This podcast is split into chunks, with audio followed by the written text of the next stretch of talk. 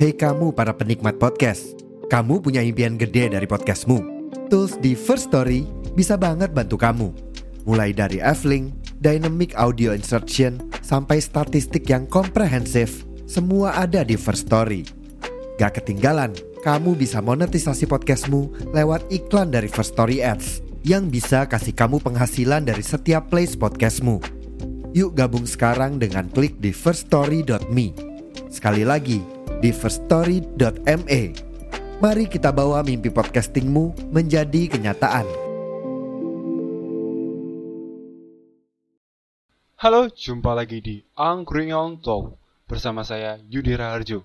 Di season ketiga podcast obrolan ala angkringan ini, kita akan membicarakan banyak hal, mulai dari karir, motivasi, percintaan, film, konspirasi, science fiction, oh apalagi ya? Oh, Pokemon ya? ya, selamat mendengarkan. Salam jahe susu. Halo, jumpa lagi di Angkringan Talk di episode kesekian. Setelah sekian lamanya, sekian lama vakum karena satu dan lain hal, satu hal sebenarnya nggak bisa dibilang satu dan lain hal juga sebenarnya karena uh, lagi turun aja minatnya dan memang banyak kesibukan ya.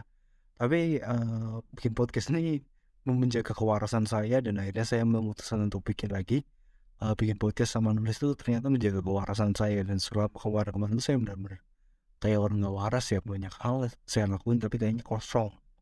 Kayak oh udah nggak ada passion ya? Uh, gak gak nggak bakal tentang tentang passion itu lagi.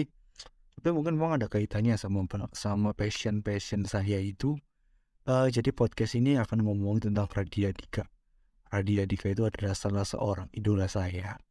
Beliau ini pemikiran-pemikirannya luar biasa. Nah terbuat kenapa ada triggernya lagi sebenarnya ini mau dibikin seminggu yang lalu.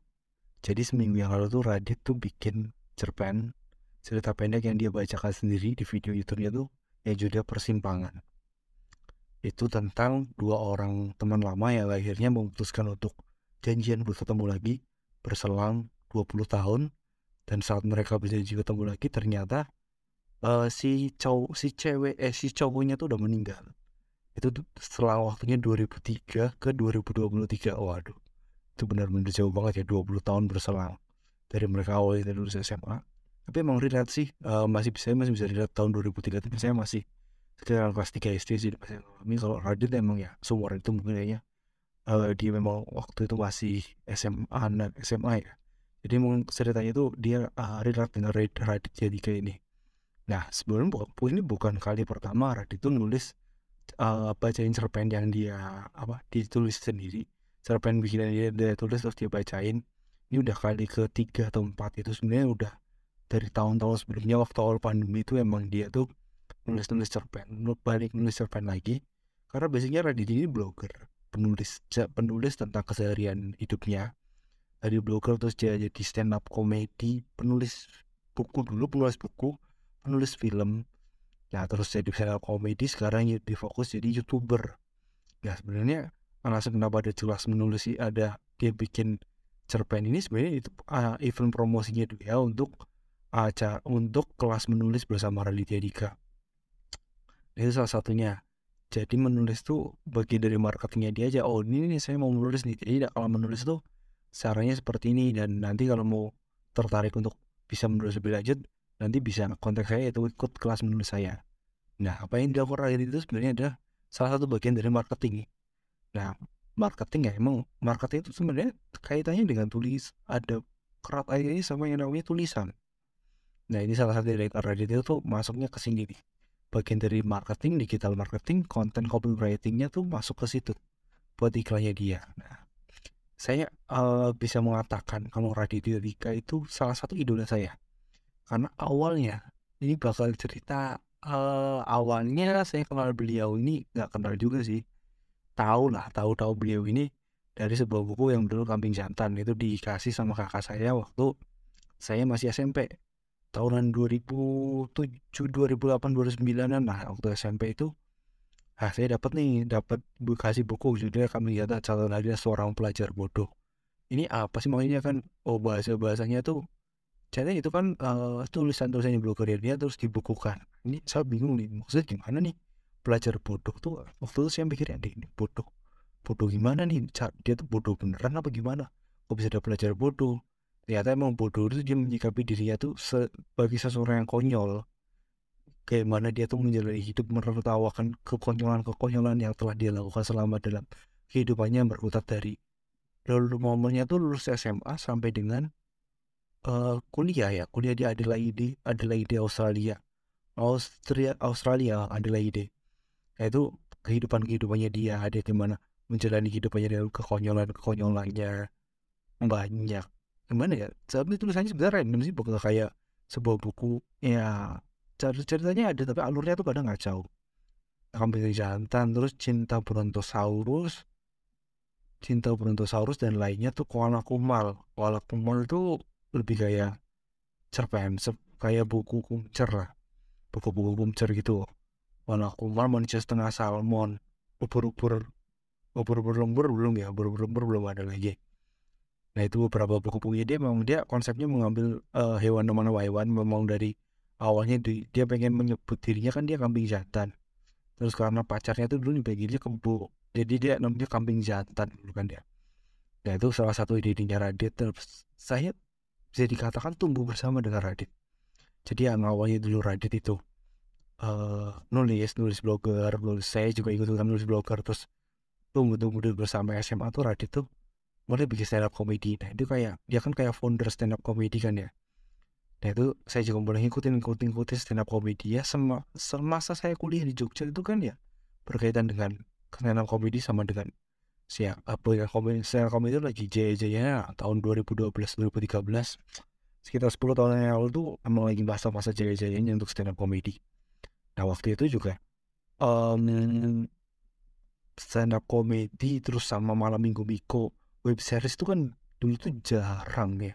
Pasti jarang banget. Web seriesnya kan awalnya indie ya.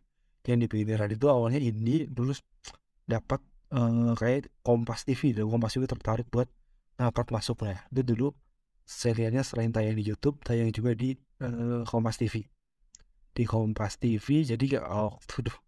Kalau mau nongkrong sebelum malam minggu tuh nonton malam minggu minggu dulu. Malam minggu Miko kan ceritanya si Miko. Miko itu kan jomblo jomblo parah. Dia nggak bisa malam minggu tapi dengan banyak cewek cewek-cewek lainnya dan salah satu eh, istrinya Radit itu juga ketemunya di malam minggu Miko ini. Dia pernah jadi salah satu talent dari malam minggu Miko itu dan akhirnya jadian sama Radit dan nikah sekarang menikah dan punya dua orang anak itu si Anissa Aziza itu. Itu eh, kelihatan sih dulu, masih kaku dulu. Ya artinya kaku terus sih ya nggak secantik sekarang lah dulu si Anissa Aziza ini. Dan itu saya tumbuh dengan bersama dengan Radit terus ngikutin-ngikutin konten-konten YouTube-nya Radit. Sering-sering bah- bahas investasi juga ikut. Pola-pola pikir Radit tentang investasi itu menarik juga. Menarik menarik banget menarik banget tentang investasi itu. Dia dia mikir kalau misal em, apa investasi itu bukan buat income kita. Kalau mau income ya kerja. Investasi itu buat hari tua. Jadi jangan sampai malas-malasan buat jadi kayak trading atau apa. Investasi ya tuh buat hari tua. Karena financial freedom Radit tuh eh, dia pengen financial freedom di usia 40-an tahun. Jadi udah mau kerja lagi dan nanti finansialnya tuh balik. Nah itu reksadana itu saya tahu dari Radit dan akhirnya saya coba mengaplikasikan. Dan terkait investasi sama saving itu gue cocok-cocokan ya ibarat kata kayak diet lah. Nah itu Radit tuh salah satu inspirasi saya untuk bagaimana memandang eh, apa saya investasi terus cara menulis tuh benar-benar banget sih. Dan turunan-turunan dan bukan cuma saya doang yang mau uh, apa udah fan cukup fan ngefans cukup berat sama Radit tuh ada Bena Kribo. Bena Kribo tuh juga salah satu fans dari saya Radit yang sama saya kata sama Arif. Arif siapa tuh? Arif Pocong ya Arif Rahman Arif yang itu Arif yang Pocong itu tuh seangkatan sama Setlicious itu tuh kayak eh, turunannya Radit lah tuh generasi kedua generasi penerusnya Radit tuh. Komedi-komedinya masih berkaitan berkaitan apa insp- inspiratornya. Kalau Bena Kribo tuh sekarang udah hijrah ya itu kayak Rene Suwardono tuh lebih fokusnya banyak konten-konten Islami dan lain segala lain macamnya. Kalau Sitlicious sekarang bak jadi lebih ke otomotif. Kalau Arif Arif ya malah sekarang makin tajir lah udah levelnya udah sultan sultan sekarang bilang omongnya sultan dulu kan eh ininya gara-gara pocong ya. Gara-gara dia tuh punya persona lain tentang pocong. Saya juga punya bukunya btw emang kocak banget sih di masa-masa itu masa-masa 2011an tuh 2012 tuh.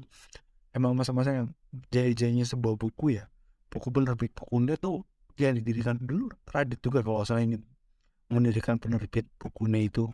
Dan salah satu uh, bukan salah satu sih banyak bah buku-buku bestsellernya tuh memang cukup relate dengan kehidupan gue di masa masa waktu itu dan uh, menyenangkan ya menurut Radit dan lain-lainnya tuh tumbuh bersama saya. Makanya saya bahas untuk Radit di episode kali ini. Dan terus yang jadi saya itu aware banget apa merasa enlightening tercerahkan banget dengan ini dengan aware Radit adalah terkait tentang karir jadi kan Radit itu suka menulis. Tapi dia pernah dapat omongan dari temennya kalau karir penulis itu bisa paling ya stuck. Udah cuma buat nulis buku ya udah. Setelah itu nulis buku nggak ada lagi nggak ada lagi yang bisa dia lakuin sehingga kayak seperti karyawan yang levelnya tuh naik ke atas. Mulai jadi staff supervisor manager uh, terus man, atasnya lagi lah. Uh, manager dan mm, general manager dan lainnya segala macamnya. Karirnya naik naik kan naik nah kalau penulis itu kan kalau udah penulis writer ya writer aja penulis penulis aja penulis buku penulis buku aja. Nah kalau penulis itu karirnya nggak naik ke atas nggak vertikal tapi horizontal. Jadi menyamping awalnya nulis buku awalnya nulis nulis blog kayak Reddit terus nulis buku nulis skenario film terus uh, nulis materi stand komedi nulis cerpen apa nulis cerpen nulis nulis cerita nulis nulis narasi tentang video nulis buku nulis buku lagi nulis screen nulis skrip dan lain-lainnya tuh nah sarannya Reddit tuh dia bilang skrip apa jadi penulis tuh nggak bisa nggak kalaupun karyanya nggak bakal vertikal tapi horizontal dan bisa menyamping bisa menyamping dan bisa mengambil se apa sesi-sesi yang sebenarnya belum pernah masih berkaitan nulis tapi nggak berkait mungkin nggak berkaitan narat dengan itu. Kayak ya menulis buku sih sekarang orang-orang juga menulis buku kan udah jarang udah mulai dibilang ketinggalan dan menulis buku ya. Nah saya juga menerapkan itu di di digital marketing. Karena basicnya nulis tuh untuk mempelajari digital marketing terus untuk mempelajari hal lain yang berkaitan dengan materi apa itu tuh saya jadi lebih mudah. Ini kayak podcast tuh kan saya uh, referensinya dari ada tulisan. Tulisan saya gali lagi gali terus akhirnya kemarin juga bagian-bagian marketing kan saya kalau saya mengujungkan mulai tulisan saya gali tulisannya lagi idenya itu dari mana nih terus digali lagi kan bisa dari ide. Jadi marketing itu saya berkaitan dengan yang namanya tulisan. Karena menulis itu menulis itu memang baginya tuh banyak bisa bermacam-macam juga. Digital marketing tuh ya paling eratnya tuh marketing marketing bisa menulis. Menulis jurnal nulis pemahaman. Saya misal kalau sekarang kan saya lagi belajar lagi tentang hal-hal yang kok dulunya pernah saya belajar di kuliah tapi mungkin saya nggak belajarnya nggak begitu dalam. Dan akhirnya saya belajar lagi dengan cara menuliskannya lagi oh ini mah ini uh, skemanya seperti ini seperti apa ini.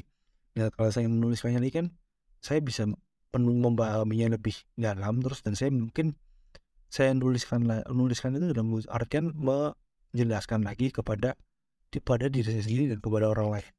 Dan dengan itu kalau misalnya kita udah bisa menjelaskan kembali itu artinya kan eh, pemahaman kita udah sampai di level yang maksimal.